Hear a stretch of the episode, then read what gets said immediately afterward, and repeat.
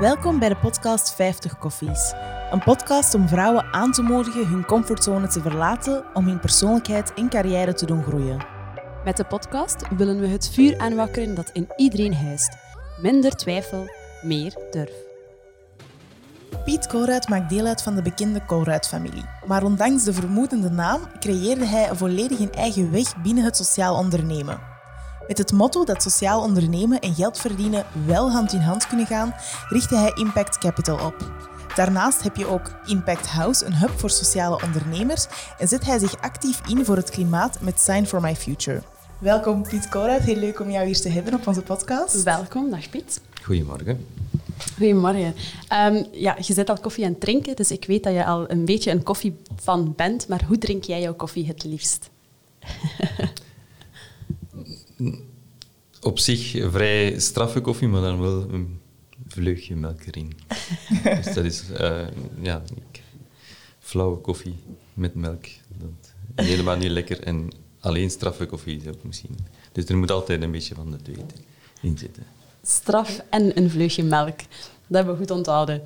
Um, maar Piet Kolrijt, wie ben je eigenlijk? Of beter gezegd, wie is Piet zonder Kolrijt? Dat is de vraag van waar ik al 50 jaar mee bezig ben.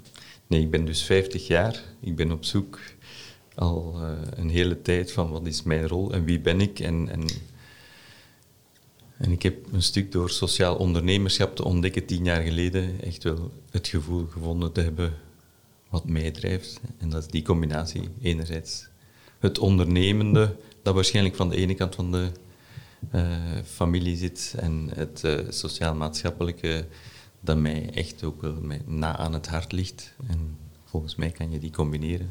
En niet door een model van eerst winst maken en dan een beetje goed doen. Met uw, met uw rechterhand nemen en uw linkerhand dan dingen kruimels geven. Dat is niet het model waar ik voor sta. Ik ben echt op zoek, kan je die twee niet combineren door in wat je doet onmiddellijk ook positieve impact hebben. En als je dat kan doen ook als beroep en daarvan je geld verdienen, dan eigenlijk is het een win-win voor iedereen. Ja, mooi. Ja, je naam verklapt het natuurlijk al. Je bent onderdeel van de Colruyt-familie. Eh, um, we gaan zoiets veel dieper ingaan op wat, jouw rol is binnen uh, Impact Capital. Maar eerst even, uh, ja, Colruyt, wat is daar nou jouw rol in? Want eh, Jeff, Jeff Colruyt is jouw neef, als we dat goed begrepen hebben. Maak jij zelf nog onderdeel uit van de groep en wat is dan jouw rol daarbinnen? Eigenlijk is vooral mijn rol nog in de familieholding boven Colruyt eigenlijk. En daar ben ik een van de vier bestuurders. Ja, naast Coris hebben we dat dan? Coris is de holding. En daar gaat het over investeringen en over proberen ook positieve impact te hebben. Dus in die zin is dat heel gelijkaardig van wat ik met Impact Capital doe. Um, dus mijn rol, natuurlijk door mijn familienaam en door dat ik tien jaar ook heel actief gewerkt heb als architect bij Colruyt, en dat ik nog altijd mijn linken heb met verschillende mensen. Mensen spreken mij vaak over aan als ze een idee hebben rond meer duurzame landbouw of duurzame uh, retail. Mhm. En ze spreken mij dan aan. Meestal verwijs ik dan rechtstreeks door naar de juiste persoon. En dat is dan een stuk het netwerk waar Colruyt nog altijd een heel belangrijke ja. uh, organisatie is. Oké, okay, en um, vond je dat dan hoe is het dan eigenlijk om binnen zo'n groot familiebedrijf als Colruyt um, op te groeien? Had je een beetje het gevoel dat er veel verwachtingen waren? Um, of is het iets wat je zelf altijd hebt willen doen? Ben je erin gerold? Wat vond je daar zelf van? Het is... We hebben... Ik heb 36 ongeveer neven en nichten. uh, dus wij zijn wat wij noemen de derde generatie. Dus we hadden ook... Of mijn ouders en hadden veel kinderen. Dat is duidelijk. Um, en het is in die grote groep ja, dat je je afvraagt van wat is uw rol daarin en, en is dat tof of is dat niet tof. Ik ben geboren in Halle met de familienaam Colruyt, maar als in Halle is Colruyt natuurlijk een naam allee, als grootste private werkgever. Iedereen zag vooral mij, mij als Colruyt. Ik heb dat vroeger ook al eens verteld, dat ik altijd het een heel gênant moment vond als ik uh, op het voetbal gevraagd werd uh, en, en er werd de namen omgeroepen om, om, om de, de schoenen te laten controleren bij de, bij de scheidsrechter. En dan werd er kool uitgeroepen en dan uh, zag ik de omstanders al opmerkingen maken. Oh, dat is een van die rijke familie of zo. Altijd die. Dus ik werd altijd geassocieerd met die rijke familie van. En dus in die ben ik bewust ook niet in Halle willen gaan wonen later. Omdat ik dat eigenlijk eh, eerder als een druk zag. Ja. Expliciet is er nooit verwachtingen geuit. Ik had ook het voordeel dat ik het derde kind in ons gezin was, waardoor dat de druk meer bij mijn zus en mijn broer, oudere broer en zus lag. Maar wel als voordeel dat ik kon meegaan en veel leren en veel... Eh, en ik ben heel geïnteresseerd altijd geweest in, in wat Colruyt deed en in het ondernemen in het algemeen. En dus door als uh, klein broertje mee te gaan met die andere twee, heb ik heel veel, zonder veel druk, eigenlijk kunnen bijleren. En op een bepaald moment heb ik zelf wel in 2000 gezegd, dan uh, wil ik hier wel toe bijdragen. En ben ik bij Colruyt beginnen werken in, in het jaar 2000, dus 20 jaar geleden. Um, en dan vrij snel ook bestuurder geworden in opvolging van mijn vader. Waardoor ik dan een heel breed zicht kreeg over uh, wat ja, een onderneming allemaal uh, inhoudt. Um, en door dan ja, ook met investeren bezig te zijn. Ik ben zelf moeten economie gaan studeren, omdat het uh, mm -hmm. qua opleiding ingenieur, architect en filosofie had ik dat niet gehad. Maar het is heel duidelijk dat dat mij enorm boeide ook om en zeker die combinatie, hoe kun je goede dingen doen uh, door je geld op een goede manier in te zetten. Mm -hmm. Het staat eigenlijk ook al heel erg uh, in je bloed. Ik denk dat dat in het algemeen ook in het bloed, in het DNA zit van heel veel mensen. En ik ben niet de enige in de familie, in tegendeel. Er zijn heel, met heel veel mensen die eigenlijk proberen um, ja, niet alleen veel geld te verdienen, nee, geld verdienen naast, eigenlijk is dat maar een, een middel om dingen te kunnen bereiken, om dingen te kunnen veranderen. Ja, heel mooi. Nu, familiebedrijven hebben een specifieke dynamiek. Uh, mijn eigen man uh, heeft, daar, uh, heeft een familiebedrijf en dat werkt op een heel andere manier dan een, een bedrijf waar je gewoon zelf kiest, medewerker kiest, partners kiest. Wat zijn voor jou de drie inzichten die je vanuit een familiebedrijf hebt kunnen meenemen? Want ik veronderstel dat het niet altijd gemakkelijk is geweest om enerzijds die familieband te behouden en daar genoeg aandacht aan te besteden. Anderzijds ja, zijn dat ook de mensen met wie je werkt en, en moet je bedrijf groeien hmm. en vooruit gaan. Wat zijn daar jouw inzichten in van hoe een familiebedrijf anders is of, of hoe, hoe, dat die zich, ja, hoe, hoe dat je daarmee omgaat? Misschien belangrijk voor, voor ons bij Colruyt was het altijd zo. En het is helemaal niet zo dat wij alle 36 neven en nichten bij Colruyt gaan werken zijn. Dus er is maar een klein groepje die uiteindelijk echt gaan werken is voor Colruyt. Maar we zijn wel allemaal aandeelhouders en vier aandeelhouders. En het is in die zin wordt alle manieren van betrokkenheid geapprecieerd. Het is uh, niet alleen diegenen die echt uh, erin als werknemer of als directeur willen gaan werken, maar ook uh, mensen die gewoon ondersteunen en heel uh, fier en tevreden en uh, een stukje uitdragen dezelfde waarden die toch wel gedeeld zijn in de familie. Um, wat dat belangrijk is ook om te zeggen dat we nooit gepistoneerd hebben of dat we eigenlijk altijd gezegd hebben nee, als je als familielid moet je ook onderaan de ladder. Je moet ook in de winkel beginnen met rekken te vullen. En je moet al, alle jobs ook, ook doen. Dus het is helemaal niet zo dat je als familielid een voorkeursbehandeling krijgt dat is natuurlijk in principe zo, maar als ik daar als uit ging gaan werken, wist natuurlijk iedereen dat ik de zoon was van de zoon van. Mhm. dus in die zin is dat een stuk uh, een intentie vooral. Maar het gaf ook wel bijna druk. Je moest bijna beter zijn als familielid, want anders wordt er gezegd van... Eh, allee, je kreeg het zeker niet in de, in de schoot geworpen. Dat is één, één bedenking rond familiebedrijven. Um, dus niet uh, pistoneren niet sowieso uh, een job aangeboden krijgen. En wat dat een belangrijk verschil voor mij, voor familiebedrijven, tegenover puur commerciële of beursgenoteerde bedrijven. Ik noem dat familiebedrijven, maar in België gaat dat ook over KMO's vaak, die gewoon mhm. echt uh, eerste generatie of tweede generatie KMO's, is gewoon dat lange termijn denken. En dat is fundamenteel verschillend met een beursgenoteerd Amerikaans bedrijf.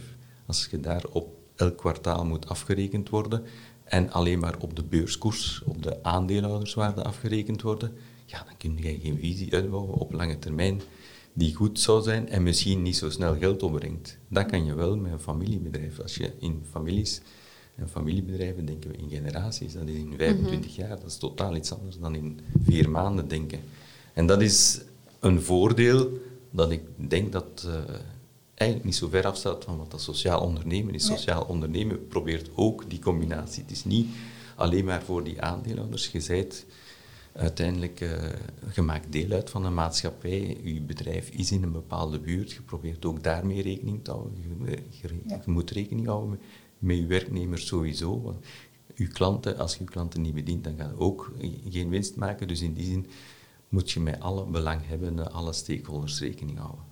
En dat is iets dat een familiebedrijf gemakkelijker kan, omdat dat dan, ja, er is patient capital, er is geduld. Mhm. Eigenlijk is het voor wat we het liefst hebben, is dat we binnen 50 jaar nog bestaan. Ja. Ja, en je, je hebt het zelf al uh, in, in vorige interviews heel mooi beschreven, dat je binnen jouw familie ook uh, verschillende types hebt, hè, die echt uh, een meerwaarde hebben, om, omdat ze heel anders zijn en daar juist een mooie synergie tussen bestaat. Mm. En je beschrijft vier types, als ik me niet vergis. de, de denkers, de, ik moet dat even spieken, de artiesten, de ingenieurs en de commerçanten. Dat, ja. dat klopt. En dat is ook zo aanwezig binnen, binnen die familie, dat iedereen daar zijn eigen ongeacht dat niet iedereen per se daar werkt. Misschien nog een mooie anekdote, want ik heb inderdaad dat de eerste keer dat ik eigenlijk een interview gegeven had, dat was voor de tijd, dat was in 2012, toen ik ons eigen Social Impact Fonds uh, opgericht had, SI2 Fund, en we wouden ook extern kapitaal aantrekken, dus was de voorwaarde dat ik daarmee ook naar buiten moest komen, dus dat was de eerste keer dat ik een interview gaf. En toen had ik dat verhaal verteld van de vier types binnen de familie Colruyt. En uh, het uh, mooie was, zeker in dit kader, misschien om te vertellen, dat ik uh, de dag nadien een mail kreeg van mijn toen 85-jarige tante, tante Anne, die mij mailde, die zei van Piet, ik denk, dat is heel schoon, maar ik denk dat je iets vergeet. Je hebt geen vier types, je hebt ook de idealisten, de dromers. En dat is van uw moederskant, dat dat heel duidelijk komt. Okay. Dokter Frans Hemerijks was een Melaatse dokter, die eigenlijk zijn leven lang geholpen, mensen geholpen heeft in Afrika en Indië. En ik vond het heel mooi dat zij mij daarop wees van, ja maar Piet, jij bekijkt u alleen vanuit de mannelijke lijn, van de Colruyt-familiekant, maar het is heel duidelijk dat dat idealistische misschien van de andere kant er ook in zit. En dat is dus het vijfde type dat er moet toegevoegd worden. Ja, en dat is, uh, dat is zeker een heel mooie aansluiting met wat je vandaag doet. Hè. Uh, ik denk dat we dat, dat, we dat hier wel kunnen, kunnen zeggen. Um, ah, ja. ja. nee, zeg maar. Um, uiteraard, naast Colruyt um, heb je dus ook Impact Capital. dus jij investeert in sociaal-maatschappelijke projecten, als dat klopt. Ja. dus omdat je er echt wel in gelooft dat goed doen voor de maatschappij effectief wel samen gaat met geld verdienen en, en dat eigenlijk op een goede manier samen te samen brengen. Samen kan gaan. Of samen kan gaan. Vertel daar eens wat meer over. Ah, wel, een sociaal ondernemer die vertrekt eigenlijk meestal vanuit een maatschappelijke uitdaging, een probleem. Eigenlijk vaststellende dat bepaalde dingen in de wereld niet lopen of niet draaien zoals ze zouden moeten of kunnen draaien. En in plaats van te roepen, ja, het is de schuld van de bedrijven of de schuld van de politici, van de zakkenvullers, van allemaal. Sociale ondernemers steken zelf hun nek uit en doen er iets aan. En die zeggen van, ja, maar misschien kan ik wel een oplossing daarvoor bieden. Mhm. En dat is de basis van ze vertrekken van een verontwaardiging en ze willen oplossingen bieden. Constructief en ze willen dat zelf doen, ze willen hun nek uitsteken. Het is dat type sociaal ondernemers dat mij interesseert en vaak zoeken die ja, businessplannen en zoeken die investeerders en zoeken die een netwerk en zoeken die markten is op dat vlak dat wij proberen met Impact Capital, met Impact House, proberen die te ondersteunen. We zien dat die van alles nodig hebben. Die hebben een stuk coaching nodig, die hebben soms experts nodig, die hebben soms geld nodig, die hebben allemaal zo'n zaken nodig. Het is net door die te combineren en te zeggen, laat ons alle partijen die eigenlijk ook geïnteresseerd zijn in die innovatieve oplossingen voor maatschappelijke problemen, laten we die ondersteunen. En, en door die te ondersteunen, soms financieel, soms met een netwerk. Eigenlijk is dat heel verschillend wat mensen of mhm. wat bedrijven in verschillende fases ook nodig hebben. Soms is het echt in het begin iemand puur met een idee en, je moet hem helpen om een geïntegreerd business, hem of haar helpen, een businessplan te maken. En geïntegreerd, daarmee bedoelen we dan dat het niet zo is dat ehm, ja, dat model wat ik in het begin beschreef, met je rechterhand dingen nemen, veel geld verdienen en dan gaan we nog een keer iets goed doen en we gaan met onze linkerhand een beetje teruggeven. Nee, een geïntegreerd businessplan wil zeggen een sociaal en businessplan, dat je eigenlijk, hoe meer omzet dat je doet, hoe meer positief dat je bijdraagt. En dan is het geen trade-off, dan is het geen keuze dat je moet maken van ga ik nu goed doen of ga ik geld verdienen. Nee, hoe meer dat je probeert omzet te draaien, hoe meer goed dat je doet, Mhm. hoe meer geld dat je kunt verdienen. Dus zoeken, iemand helpen om zo'n businessplan geïntegreerd social en business eh, tegelijk te maken, dat is één, één dingetje dat we doen. Daarnaast zien we dat die mensen ook vaak ja, geld nodig hebben. In het begin dachten we, ja, dat eerste 50.000 euro, die vinden ze wel elders. Want er zijn families en vrienden en de drie F'en wordt dat dan in investeerderstermen doen, friends, fools en family, die die eerste investering doen, of business angels. En wij dachten, maar tussen de ja, 100.000 en een miljoen is eigenlijk het, de grote funding. Dat is echt een probleem. Waarom? Ja, ze vinden het is te klein eigenlijk voor, voor de grote private equity en venture capitalisten. Dat is eigenlijk niet zo interessant. Of te hoog risico en te laag rendement. Dus daar was een gap en dat was de reden dat wij in 2012 een Social Impact Fonds gestart hebben. Maar dan zien we dat dat niet zo is, dat niet iedereen die vrienden en familie heeft die die, die eerste 50.000. Dus eigenlijk heb je ook zijkapitaal nodig. En dan hebben we gezegd, we gaan een zijkapitaalfonds oprichten. Maar dan zien we dat sociaal ondernemen perfect eigenlijk matcht met eh, crowdfunding. En omdat crowdfunding voor sociaal ondernemen, mensen zijn bereid om wat hoger risico te nemen en vinden dat sympathieke lokale projecten vaak. Dus crowdfunding, dan dachten we, we moeten ook een crowdfunding platform hebben. En dus Lita is hier ook in ons gebouw aanwezig. Dat is echt gespecialiseerd crowdfunding platform alleen voor social enterprises. En dus dat zijn allemaal verschillende financieringsmodellen. Naast dat coachen en dat helpen om businessplannen te maken, naast een stuk accelerator en een pool van allemaal experts. Als er iemand financieel of marketingkennis of andere zaken nodig heeft, dan wij kunnen zeggen, kijk, dat zijn vaak mensen met veel ervaring die op hun vijftigste jaar zich ook afvragen van, ja, is dat nu? Ze werken dan in een groot bedrijf en ze hebben veel geld verdiend. En we zien heel veel mensen die bereid zijn om wat minder geld te verdienen en me- heel toffe initiatieven te ondersteunen. En die proberen we hier in Impact House samen te brengen. Ik denk dat dat echt een heel goed eh, initiatief is en dat dat zeker wel nodig is, inderdaad. We merken ook, er zijn heel veel eh, ambitieuze mensen, ambitieuze mensen daar, ehm, die dat wel heel veel goede dingen willen doen, maar het is niet altijd gemakkelijk om eh, te ondernemen en je weg daarin te vinden. Hè. Ehm, ik, denk dat, allee, denk dat misschien ook de vraag is, wat maakt nu een project een sociaal-maatschappelijk goed project voor u dan? Ehm, of, of op welke basis beslissen jullie dat een project goed genoeg is om dan Hm. te steunen of te financieren. Ik denk dat dat heel moeilijk is, omdat iedereen wel een beetje het gevoel heeft eh, dat we in een tijdperk zitten, dat mensen het ook veel belangrijker eh, vinden om het ecologischer en maatschappelijker te maken, dat mensen veel meer goed willen doen. Maar Hm. wat bepaalt nu eigenlijk echt een project dan ehm, sociaal-maatschappelijk? Het, het, het- wij spreken over impact en we bedoelen natuurlijk positieve maatschappelijke impact. En dat kan op alle gebieden zijn. Dus het gaat niet alleen over hoeveel jobs hebben je gecreëerd of, of wat heb je nu, hoeveel CO2 hebben we bespaard. Dus het kan heel breed gaan. Er zijn, als, als, als er iemand met een initiatief start om oudere mensen uit de eenzaamheid te helpen, ja, dan, dan is de CO2 niet zo van belang. En, en het is misschien ook niet zo belangrijk dat je heel veel jobs creëert. Misschien, dus het kunnen heel veel verschillende, wat wij dan social KPI's noemen. Dus, eh, we, we zijn op, zoek- op zoek naar wat voor deze bepaalde maatschappelijke uitdaging, wat willen we echt gaan meten. En, en voor mij, over impact meten, daar kun je boeken over schrijven. Daar bestaan gigantische moeilijke methodologieën voor. Wij gebruiken eentje daarvan, SROI, dat is Social Return on Investment, SROI.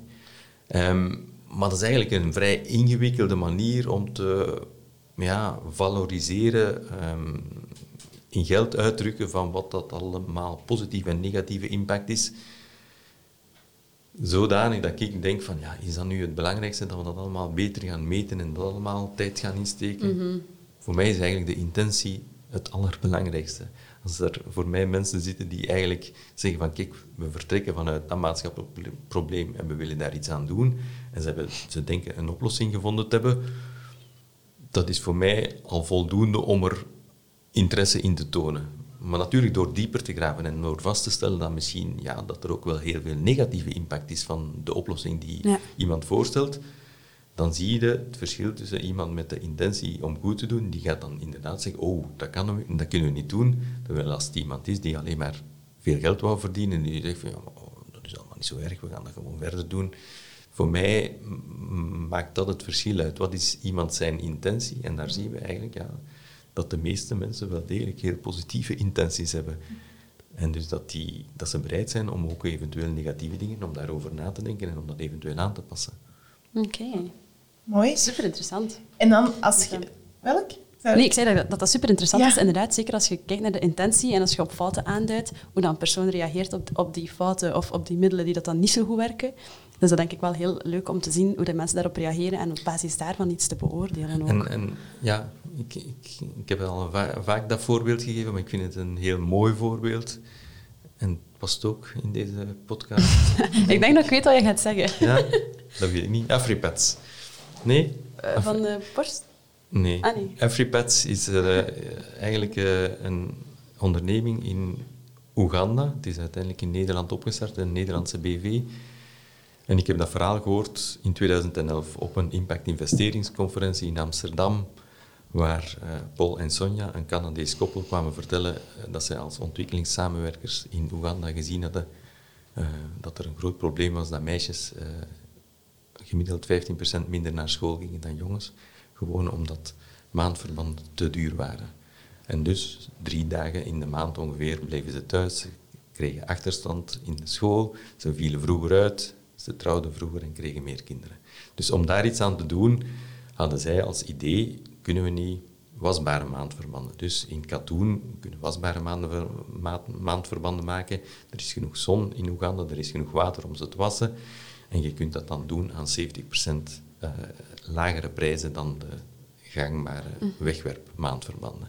En door dat te doen, zeiden van ja, ze zochten investeerders en op die conferentie kwamen ze dat vertellen en ze zochten nog 50.000 euro. Ze hadden al 50.000 euro met 25 of 30 Nederlanders gevonden en ze zochten dus in totaal nog 50.000. Maar wij hebben een fondsje waarin dat we tot 15.000 euro vrij snel gewoon ja of nee kunnen zeggen. Ik vond dat een tof verhaal. Ik zei, als je ze echt niet vindt, kom dan nog eens terug en dan gaan we gewoon dat bekijken. En dus eigenlijk heb ik toen daarin geïnvesteerd en dat was één... Ik had nog nooit in Oeganda... Ik was nog nooit in Oeganda geweest. Ik, eh, ik weet helemaal niks over maandverbanden.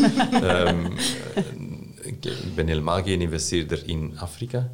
Maar het is het verhaal waarom dat zij dat vertellen dat mij overtuigde om dat te doen. En dat was achteraf gezien een schot in de roos. Dat is ondertussen zijn ze ook actief in Kenia. Willen ze naar Nigeria starten, in Malawi zijn ze actief, naar Zuid-Afrika gaan. Er werken 160 mensen. Ze, maken, ze maakten 300.000 dollar winst. En ik ben een van de grootste aandeelhouders, puur door daarin geloven, te geloven. Ik heb daar voor de rest 0,0 meer eh, toe bijgedragen buiten dan dat ik hen geloofd heb in hun verhaal.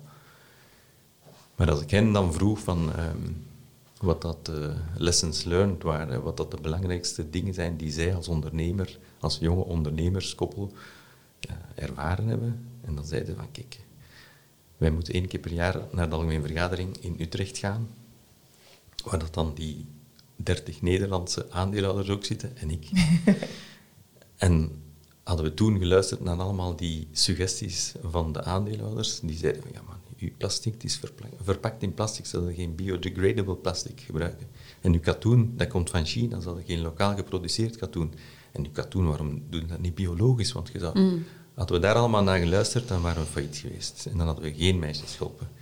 Uiteindelijk moet je focus hebben als ondernemer. Ja. En hun focus was, ze willen die meisjes goedkoper maandverbanden aanbieden. Dat is hun focus. En dan was het Chinees en was het niet biologisch en was het in plastic verpakt. Ja, een beetje nu een battle kiezen. En daar, je- ja, en ik vertelde dat verhaal ooit op een conferentie waar een professor zei, maar Piet, dan, dan blijf je toch gewoon negatieve impact eh, ondersteunen, want dat plastic en zo komt dan te... En ja, je kunt natuurlijk proberen 100% goed te doen, maar als het dan niet werkt, doe het dan Ja. goed of doe het dan eigenlijk minder goed. In mijn ogen is het oké als je 80 of 90% goed doet en dat je dat dan ondersteunt. En natuurlijk, als ik Paul en Sonja vraag, wilde dat niet vervangen, die bioplastics? Natuurlijk zouden zij graag naar bioplastics overgaan, als dat betaalbaar wordt. Of als de andere plastics bijvoorbeeld belast worden, dan zullen ze wel moeten. Maar je kunt niet alles in één keer oplossen. En dat zie ik heel vaak gebeuren. Ook mensen hier met goede bedoelingen die ergens een VZ2 hebben en ze zoeken naar nieuwe inkomsten. En dan hebben ze het idee om, we gaan een keer ja, een eigen restaurant openen en we gaan dat dan biologisch en fairtrade en, en vegetarisch. En, en het zal aan zeer lage democratische prijzen zijn. Het zal heel tof ingericht zijn met allemaal de meest ecologische materialen. Het zal CO2-neutraal zijn. Het gebouw en iedereen fantastisch. En mensen met een handicap kunnen daar te werk gesteld worden en ze gaan nog veel verdienen ook. Dat gaat niet, Mhm. allemaal die dingen samen. Je moet kiezen. Dus als investeerder, dat is een van de dingen die we het vaakst moeten doen, dat is zeggen, ja, focus, wat wilt je eigenlijk oplossen? En als je dat wilt oplossen, oké, probeer dan op de andere dingen misschien gewoon te doen en probeer dan Ja. gewoon, maar kies je battles inderdaad. Maar een heel, boe- een heel boeiend verhaal, denk ik. En heel Ja. mooi om, ik denk inderdaad, als je...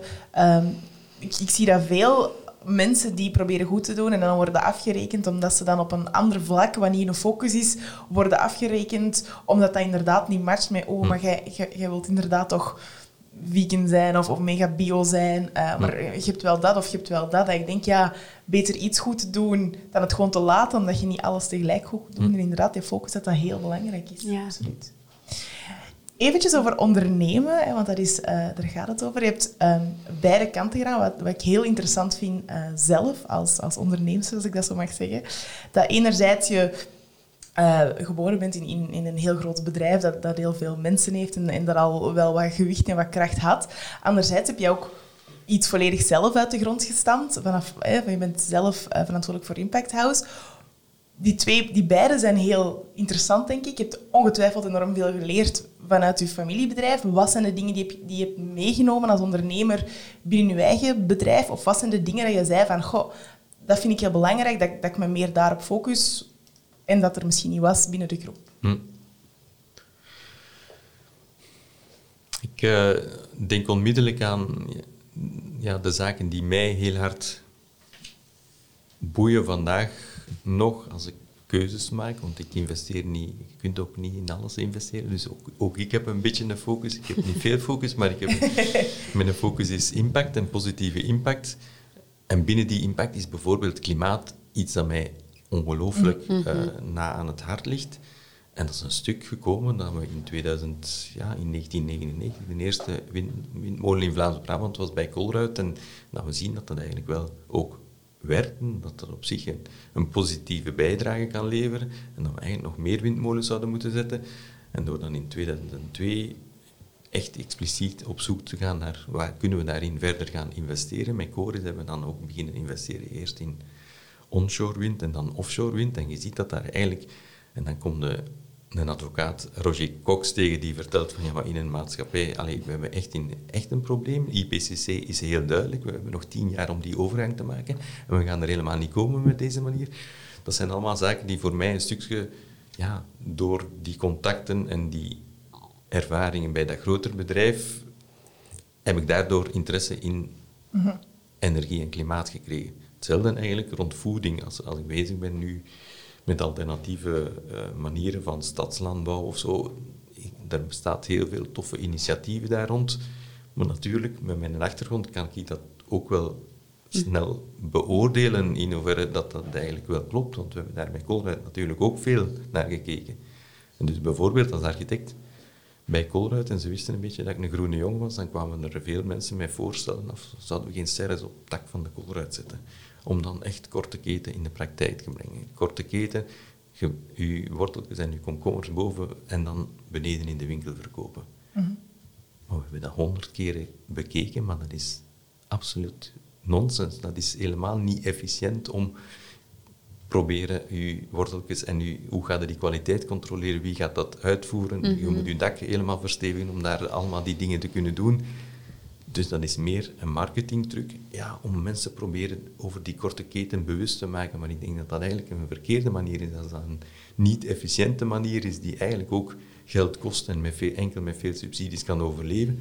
Wat zijn er dan aan het zeggen? Dat eigenlijk duurzaam leven alleen maar kan met, eh, met subsidies en zo. Dus ik denk dat we dat beter niet moeten doen dan wel moeten doen. Dus in plaats van dat promoten, zouden we dat eigenlijk niet moeten doen, in mijn ogen. Hetzelfde met de kleine windmolens eigenlijk, ja, je wilt toch in energie investeren, zouden we geen kleine microturbinetjes op de gevel zetten. Maar dat is absoluut nonsens. Dat kost ik weet niet hoeveel geld, dat is altijd kapot. Dat is, dat is helemaal... Terwijl dat je daar een perfect plat dak hebt om een zonnepaneel op te zetten, die eigenlijk geen onderhoud vragen en die wel degelijk rendabel zijn zonder subsidies. Ja. Dus zo van die dingen kan ik vaak reflecteren naar, ja, maar dat is al honderd keren bekeken. Heel veel van die toffe kleine initiatieven, ja, soms, ja, ben ik, kijk ik daar niet verder naar, gewoon vanuit mijn ervaring, dat ik denk, van, dat gaat niet werken, dat kan niet. Ja. Soms onterecht, hè. soms komen ze met dingen af die, die inderdaad misschien toch wel werken en, en, en dat ik dan achteraf zie dat ja, heel het, heel het eh, model aan het eh, shiften is. Dus soms is dat een, een, een nadeel dat ik eh, vanuit mijn Te kritisch, ervaring ja. dat ik een Ja. beetje denk van ja, maar nee, dat zal wel niet gaan. Ehm, maar dus dat is zeker iets dat ik meeneem. Langs de andere kant is het fantastisch bij Colruyt. Allee, wat dat ook in het DNA zit rond efficiëntie, zoeken naar, naar eh, ja, dingen proberen en weten als je tien nieuwe investeringen doet, ehm, ja, daarvan zijn er twee of drie die direct fout lopen. En dan zijn er vier of vijf waarvan dat je eigenlijk ge- geen cent verdient, maar dat je na hard werken net je kop boven water kunt houden. En dan zijn er één of twee waar dat je echt geld kunt mee verdienen. En die eh, wordt verteld. En dus ik, ik weet dat al sinds 2000 bij wijze van spreken. En ik pas dat natuurlijk ook nu toe. Ik weet dat ook. Hè. Als we nieuwe dingen doen, er gaan er Ja. v- veel zijn die helemaal niet gaan werken. Maar is dat een reden om ze niet te doen? Nee. Als je wilt sociaal ondernemers ondersteunen, moet je eigenlijk ja, heel breed proberen al die dingen mogelijk. En je, moet, je zoekt natuurlijk naar die één of twee succesproducten. Maar als je het alleen maar zegt, ja, we gaan het alleen maar doen als we heel zeker zijn dat we veel geld gaan verdienen, dat gaat niet lukken. Dan, dan, dan gaat niemand ertoe komen. Dus een soort kritisch en realisme die je hebt meegenomen eh, van, vanuit daar dingen. Want je bent, je bent een denker, dat, Mm. zo, zo benoem je jezelf, klopt dat nog Ja. altijd? Dat, dat deel, een goed ontwikkeld kritisch denken en een, een realisme, eh, Ja. dat toch u niet dromen kapot maakt, of dat niet de, de, de, goesting om, om, om te ondernemen en te investeren in die sociale... En een stuk durven en, en anders zijn dan de ander. Allee, Ja. Ik herinner mij dat ik mij ooit aan mijn vader vroeg eh, waarom dat de koolruitwinkels ja, soms op palen stonden en dat de parking eronder was, terwijl dat bij Carrefour en de lijst juist omgekeerd was. Dat was de parking op het dak. En dat was dan een heel eenvoudige uitleg van ja, natuurlijk, door de winkel erboven te zetten moet je maar drie meter stijgen. En drie meter stijgen kunnen we perfect doen met een, een, een gangpad aan eh 1 of 2 procent. Eh, maar als je zes meter moet stijgen, omdat je, dan is dat eigenlijk eh, om, om aan de parking te geraken. Ja, dan, dan moet je een lift hebben. En een lift was duurder dan, dan, een, gang, dan een gewoon rolpad. Alleen, dus zo waren er redenen om dat anders te doen. Maar uiteindelijk kwamen ze terug van allerbelangrijkste is dat we anders doen dan de anderen. Dus dat was op zich is dat al een argument geweest. En dat vind ik wel iets dat mij aanspreekt. Maar ik heb er nog nooit zo over nagedacht. Nee, ik ook niet. parkings. En achteraf blijkt dan inderdaad dat dat ook handig is, dat dan je auto droog staat, dat de mensen met hun dingen, eh, en, en dat het eigenlijk veel- ook veel goed- goedkoper is dan omgekeerd een zwaar dak te moeten voorzien. Dus er zijn wel dan achteraf nog heel veel andere goede redenen om dat zo te doen. Dat is ondertussen wel al een beetje veranderd, hè, want we zijn verplicht hè, voor een lift te doen. Er zijn parkings ook. zijn er liften en zijn er rolpaden die allemaal veel duurder zijn, maar ook die zijn er gekomen.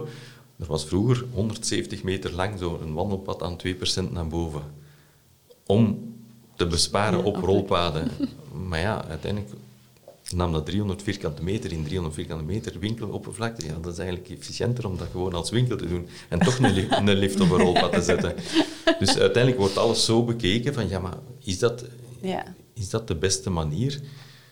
En je kunt dat negatief bekijken, dat is alleen maar om meer winst te maken, maar je kunt dat ook zeggen van nee, hoe efficiënter dat je zijt, ook dat de mensen lagere prijzen hebben voor kwaliteitsvolle producten, dat is goed voor iedereen. Je kunt de mensen meer betalen, je kunt iedereen... Alleen, al die zoeken naar efficiëntie, denk ik dat dat helemaal niet in tegenstelling is met sociaal ondernemen. Ook sociaal ondernemers kunnen zoeken naar meer efficiënte manieren om hun doel te bereiken, om wat ze echt willen oplossen, om daar beter in te zijn.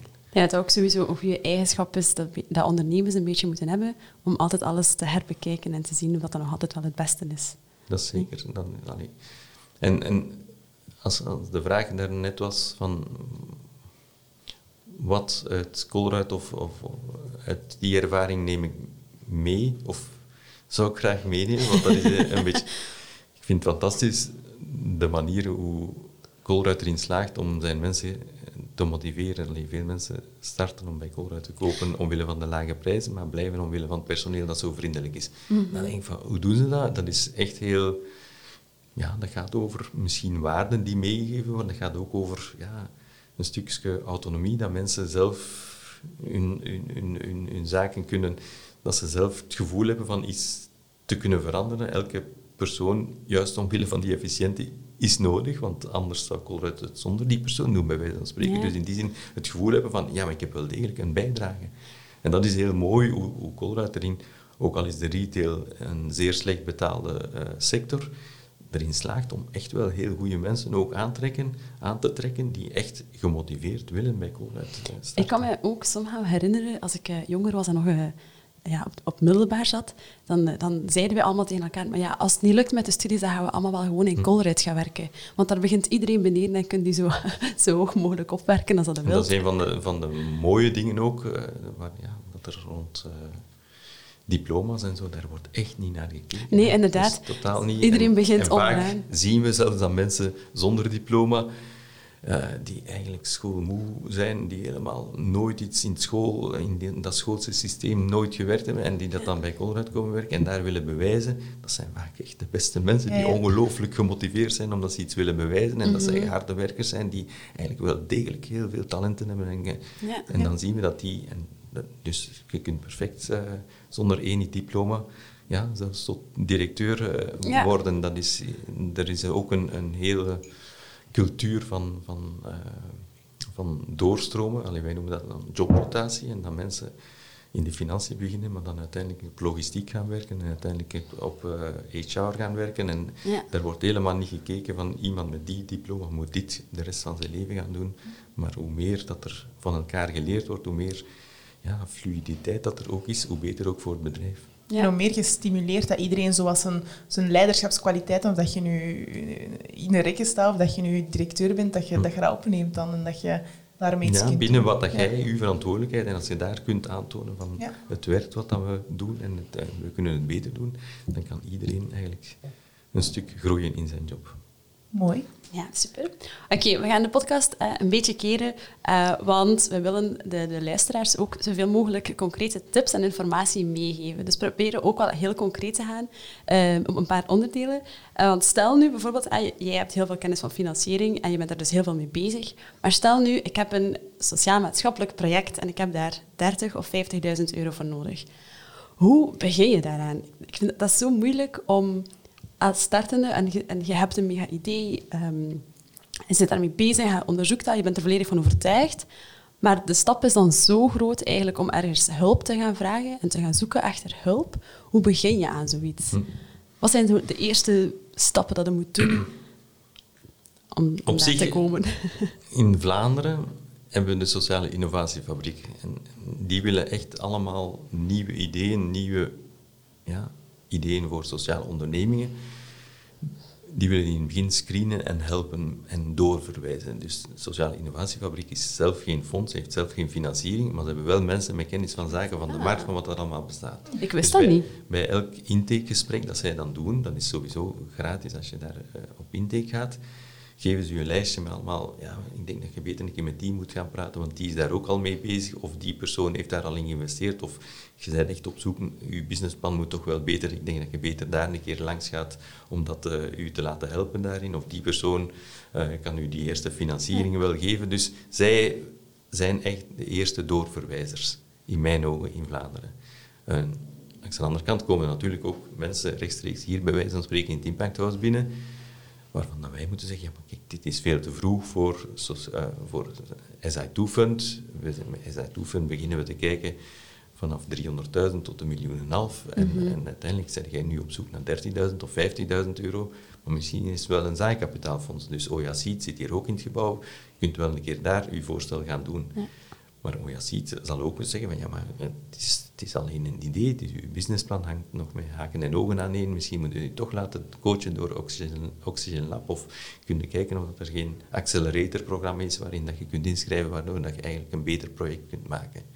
Dus het stukje netwerken en doorverwijzen, dat is een stuk wat we hier ook met Impact House willen doen.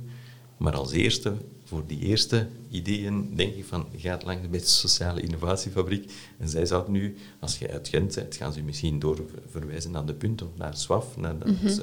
Als je uit Antwerpen bent, gaan ze misschien daar een paar mensen kunnen aanraden die met gelijkaardige dingen bezig zijn. Ja, ik ken dat initiatief totaal niet. Hm. Nee, ik ook niet. Maar dat is wel heel goed om te, te weten. En dat is echt wel gespecificeerd op sociaal ondernemen. Sociale innovaties. zijn innovaties, maar dat gaat dan inderdaad heel breed. Dat kan nog eens dat voorbeeld van oudere mensen in eenzaamheid in Brussel. kan zijn over uh, ja, milieu, klimaat, maar dat kan mm even goed zijn over armoede, kansarmoede, ja. uh, onderwijs. Ja, er zijn heel wat uitdagingen waarvan mensen ja, nieuwe, met nieuwe voorstellen komen. Dus het gaat bij hen altijd over innovaties, nieuwe dingen, maar sociale innovaties. Dus dat is niet voor puur technologische dingen, dan zijn ze beter bij het FITO of bij, bij meer technische instellingen. Maar, maar als het gaat over ja, eigenlijk wel dingen combineren van goede ideeën en denken dat daar een markt is en een oplossing.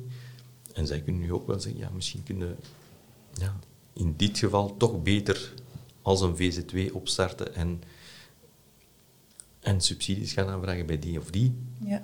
Maar meestal proberen zij de mensen te richten naar, zouden toch geen social enterprise, een sociale onderneming opstarten. En toch denken aan een model waarbij dat je die twee kunt combineren.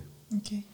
Ja, ik vind dat heel boeiend, omdat als ja, wij vrouwen, ik zal dat niet over enkel vrouwen uh, scheren, mannen maar ook. mannen ook, um, dat is zo'n wereld, heel financieringwereld, dat staat ver van en dat is zo wat één bubbel waar dat het soms moeilijk is om als niet financiële of zonder financiële achtergrond er volledig door te hebben van hoe werkt dat juist? Want je hebt heel veel verschillende manieren van financiering. En je hebt, je hebt subsidies, heb je al aangehaald. Je hebt klein kapitaal tot 50.000 heb je al aangehaald. Je hebt grote. Ik ben onderneemster. Hoe weet ik nu bij wie ik zou moeten gaan aankloppen? Hm. Wat zijn de verschillen daarin en, en wanneer ga ik naar wie?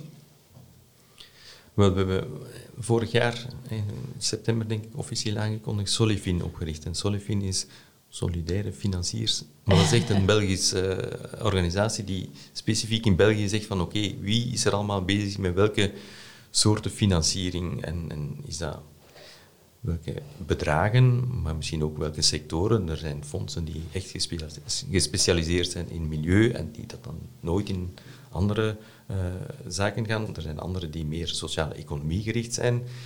Dus Solifin wil als eerste, dat is een website die ook zegt van we willen het echt in kaart brengen. Het is ofwel voor ja, de investeerders, dat ze heel duidelijk weten waar dat ze staan, maar het is vooral bedoeld voor de mensen die op zoek zijn naar financiering.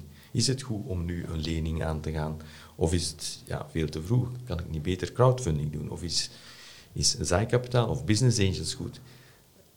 En ik denk dat het echt ook nood is aan op al die verschillende soorten financiering echt specifiek uh, impactgedreven uh, initiatieven. Mhm. Want als je met een goed sociale innovatie en je komt dan terecht bij een business angel die eigenlijk alleen maar aan centen denkt, ja, dan word je ook niet op de goede manier, denk ik, begeleid. En ga worden soms gestretched in een richting dat je helemaal niet zou willen. Mhm. Dus ik denk dat er echt nood is aan specifiek impactgedreven uh, financieringsmechanisme op al die verschillende niveaus in al die verschillende sectoren.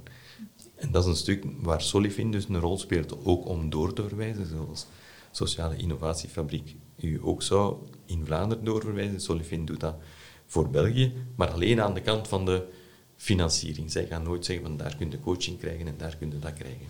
Dus dat is een andere manier om, om, om natuurlijk ja, door in dat netwerk bezig te zijn, er zijn ik weet niet hoeveel events en uh, regelmatig heel toffe initiatieven. En ik zie dat elk jaar groeien. Er zijn conferenties rond impact investeren, sociaal investeren. Er zijn ik weet niet hoeveel, ja, ook Europees. We zien dat jaar na jaar echt groeien. Langs de andere kant blijft dat een kleine niche als je dat vergelijkt met het traditionele mhm. commerciële geld, waar banken uh, 99% van hun tijd mee bezig zijn dan blijft dat eigenlijk een heel kleine niche. Maar het is wel enorm aan het groeien. En we zien heel veel goede mensen uit de traditionele sectoren die echt wel interesse tonen. En dat is een momentum dat we moeten grijpen en proberen in de volgende tien jaar echt werk van te maken. Dat dat geen kleine sector blijft, maar dat dat eigenlijk bijna de norm wordt. Dat is mhm. mijn droom, dat er niet zoiets bestaat als impact investeren, dat eigenlijk alle investeren evident gezien wordt als zijnde rekening houden met alle belanghebbenden en niet alleen met, met de aandeelhouders. Voor mij is dat een evidentie. Ja, oké. Super. Ehm, is er een bepaalde grote fout die dat mensen maken als ze komen aankloppen voor financiering? Is er zoiets van, dat is nu echt iets um, wat je niet kan doen of niet mag doen ehm, als je zo'n dossier indient? Uiteindelijk is, heeft het veel met indruk te maken. Dus als mhm. je, bij wijze van spreken, te laat komt en slecht voorbereid komt, dan heb je direct al eh, een stapje achter. Ja. Dan moet je heel veel doen om dat...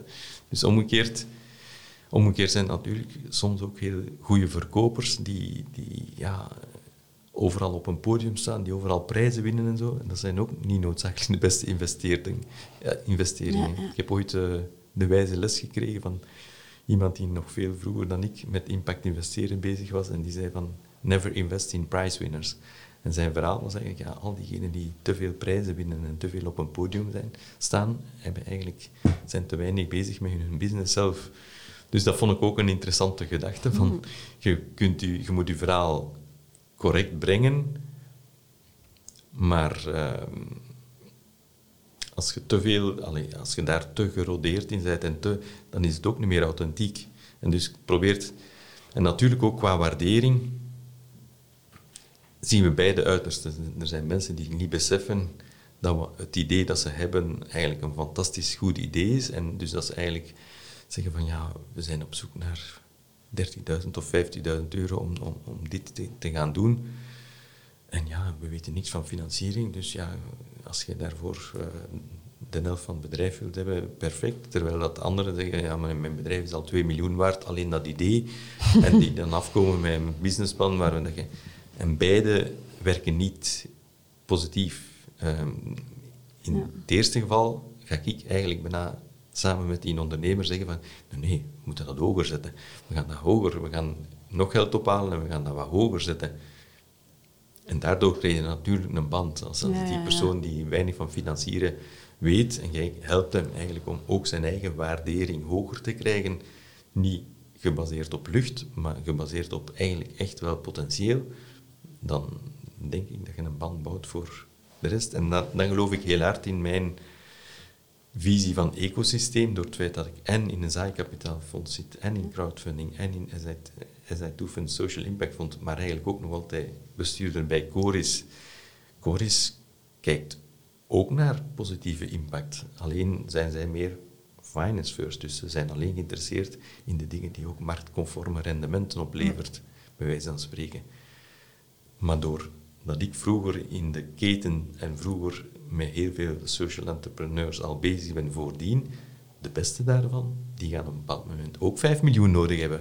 En die zijn misschien... En dan is, heb ik er al een stapje voor bij door te zeggen van, kijk, ja, en dat weten de mensen ook die echt willen groeien naar heel groot en heel ambitieus zijn, komen ook een stuk daarom bij mij, omdat niet alleen dat zijkapitaal kan leveren, maar misschien op lange termijn willen ze ooit door Colruyt overgenomen worden, bij wijze van spreken. En, en dat is een stuk soms een aantrekkelijk punt. En voor anderen is dat juist een reden om niet bij ons te komen, natuurlijk. Als je in de retail zit en je hebt schrik van, ja, maar als de bedoeling uiteindelijk is dat het ooit uh, overgenomen wordt, ik wil toch zelfstandig, ik geloof in mijn verhaal. Zo heb ik er ook al tegengekomen. Fantastische verhalen die uiteindelijk eerder schrik hadden om iets met Colruyt te maken te hebben. Oké. Dat duidelijk. Onze podcast, zoals je weet, is voornamelijk gericht op vrouwelijke ondernemers. Um, en zeker de vrouwelijke ondernemers die al eventjes bezig zijn, maar die nog niet in het scale-up verhaal zitten. Dus die grote batch die er eigenlijk daartussen zit. We hebben zelf heel veel onderzoek gelezen, maar ook heel veel onderzoek gedaan. En we merken dat toch telkens terugkomt dat alles wat rond financiën is, rond, rond cijfers kennen, rond uw eigen bedrijf goed kennen, op basis van cijfers, dat dat voor vrouwen zeer moeilijk blijft. Uh, niet iedereen natuurlijk, maar dat er een groot deel is die daar heel veel moeite mee heeft. Wat zijn volgens jou toch een soort vijf keycijfers die je moet kennen om goed met je business bezig te zijn. Die belangrijk zijn om een, een, een basisinterpretatie van het rollen van je business te hebben. Dat was dus de vraag die ik beter had voorbereid. maar uh, nee, ik, uh, ik kan daar niet zo direct op antwoorden. Het lijkt mij superbelangrijk dat je in het begin je plan ja, heel kritisch bekijkt. Mhm. Wat we altijd zien is dat bijvoorbeeld ontwikkelingen in IT onderschat worden. Dat duurt altijd veel langer en dat kost altijd veel meer dan voorzien. Maar natuurlijk, als je dat weet, dan past je dat aan en dan is het meestal nog zo. Dus dat is echt heel, heel opvallend. Ehm, dus in die zin, als je met een voorzichtig plan, voorzichtig qua opbrengsten en, en, en overschatten qua kosten, als je dan nog ongeveer boven water kunt blijven zonder dat je 20% rendement haalt, is voor mij aantrekkelijker. En als je het dan nog haalt, dan is het helemaal, dan is het overperformen van wat je doet. Wat we meestal zien is het omgekeerd, dat mensen de hockeysticks uh, gebruiken en dat ze eigenlijk uh, denken van ja, dat, dat gaat hier uh, ongelooflijk elk jaar 100% groeien. Um, en dan halen ze het niet en blijken de kosten hoger te zijn en de inkomsten lager te zijn. En dus ook heel je waardering valt dan onderuit. En je begint dan spanning te krijgen tussen investeerder en, en mhm. ondernemer. Dat je eigenlijk zegt van, ja, maar die, dat is niet de, voor mij is de, de betere manier het conservatief inschatten en dan investeerders vinden die aan die waardering ook nog geïnteresseerd zijn. En dan lijkt mij, dan kunnen samen bouwen. En natuurlijk moeten we dan proberen om je cijfers te kloppen en beter te doen. En als je dat hebt, heb je helemaal een goede basis om verder te groeien. Dus is het natuurlijk kijken naar wat zijn de grote kostenposten en niet op de kleine details maar wat zijn de grote kosten. Dat is vaak personeel, is dat het allerbelangrijkste. Oké, okay, kun je met dat personeel dat je voorziet, zo'n omzetstijging van 100% per jaar, kunnen dat wel aan. Allee, dat zijn de eerste evidente zaken van om te vergelijken, van is het realistisch. Maar één keer dat je dan bezig bent, ja, dan moet je geen dashboard maken van 50 KPI's, maar maak er dan zoek 3, 4, 5 die allerbelangrijkste zijn voor uw business. Ook social KPI's, dus ook die... Zoals het heeft geen zin om een lijst met 20 of 17 SDG's te gaan af de box, uh, de check the box doen voor al die dingen, hebben we overal op ingezet. Nee, kies er één of twee of drie die echt voor uw business super belangrijk zijn en volg die dan op. En op voorhand dat zeggen, dat is heel moeilijk. En in het algemeen dat zeggen, is ook heel moeilijk. Dus ik kan nu eigenlijk niet veel antwoorden op de vraag, wat zijn nu de vijf belangrijkste zijn. Ik vind dat al een hele mooie om, om te zeggen van inderdaad, kies twee, drie dingen die voor u belangrijk zijn, gaat dat meten en toetst dat af of dat je hm. inderdaad underperformed of, of hm. boven, boven verwachtingen.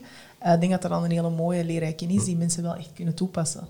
Ja, want ik denk dat we allemaal een beetje uh, of snel overweldigd zijn als we onze financiën moeten doen en, het, en al de cijfers moeten begrijpen en dan hm. met al die cijfers bezig te zijn. Vandaar ook de vraag. Het is soms moeilijk om af te toetsen, oké, met welke drie cijfers hou ik mij nu echt bezig? En dat kunnen cijfers zijn rond geld, maar dat kunnen misschien ook cijfers zijn um, puur over um, doelen dat je moet halen of aantallen die je moet halen in plaats van alles echt uitgedrukt in geld. Ja. Ja, langs de andere kant, in snel groeiende bedrijven wordt vaak gezegd cash is king. En hmm. dan ja, is het inderdaad, je moet de financiering ook tijdig. Dus niet alleen wachten tot als je boekhouder achteraf de cijfers heeft, maar dat je het eigenlijk beheert. En soms is dat per, per week of per dag dat je moet weten, ja, maar kom, ga ik wel op, genoeg, op tijd genoeg die facturen betaald krijgen.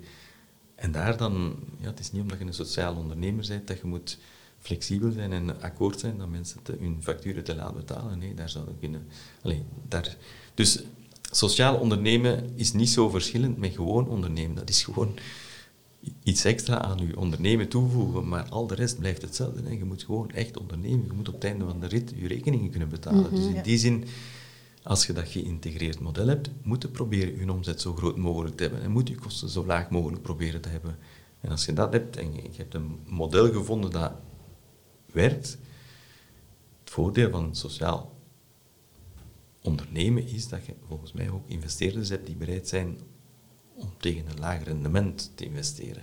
En dat is het grote voordeel. Dus je kunt wat meer risico misschien nemen, of je kunt wat geduldiger opbouwen en wat lagere rendementen. En voor mij als investeerder, als ik terugkijk naar, naar de laatste tien jaar, wat zijn de meest succesvolle? Ja, dat zijn zo zaken zoals in sociale huisvesting, waar je ziet van je kunt perfect ja, woningen bouwen en die verhuren aan 3 of 4 procent aan, via sociale verhuurkantoren en zo de enorme wachtlijsten in de sociale uh, woningmarkt meehelpen wegwerken met privékapitaal en toch 3% rendement. Mm Maar natuurlijk niet als je 10% of 15% rendement gaat halen, dan gaat je dat niet, niet, kunnen krijgen. Maar dus op zoek gaan naar wat zijn zaken die werken en als je dat gevonden hebt, dat zodanig structureren dat je met impactinvesteerders en mensen die bereid zijn om een lager rendement te hebben, kunnen volgens mij heel mooie dingen maken die echt schaalbaar zijn. We hebben dat in sociale huisvesting, maar je hebt dat ook in, in hernieuwbare energie. Als je al die windcoöperaties, ja, die weten, je kunt perfect aan 4, 5 procent investeren in windenergie.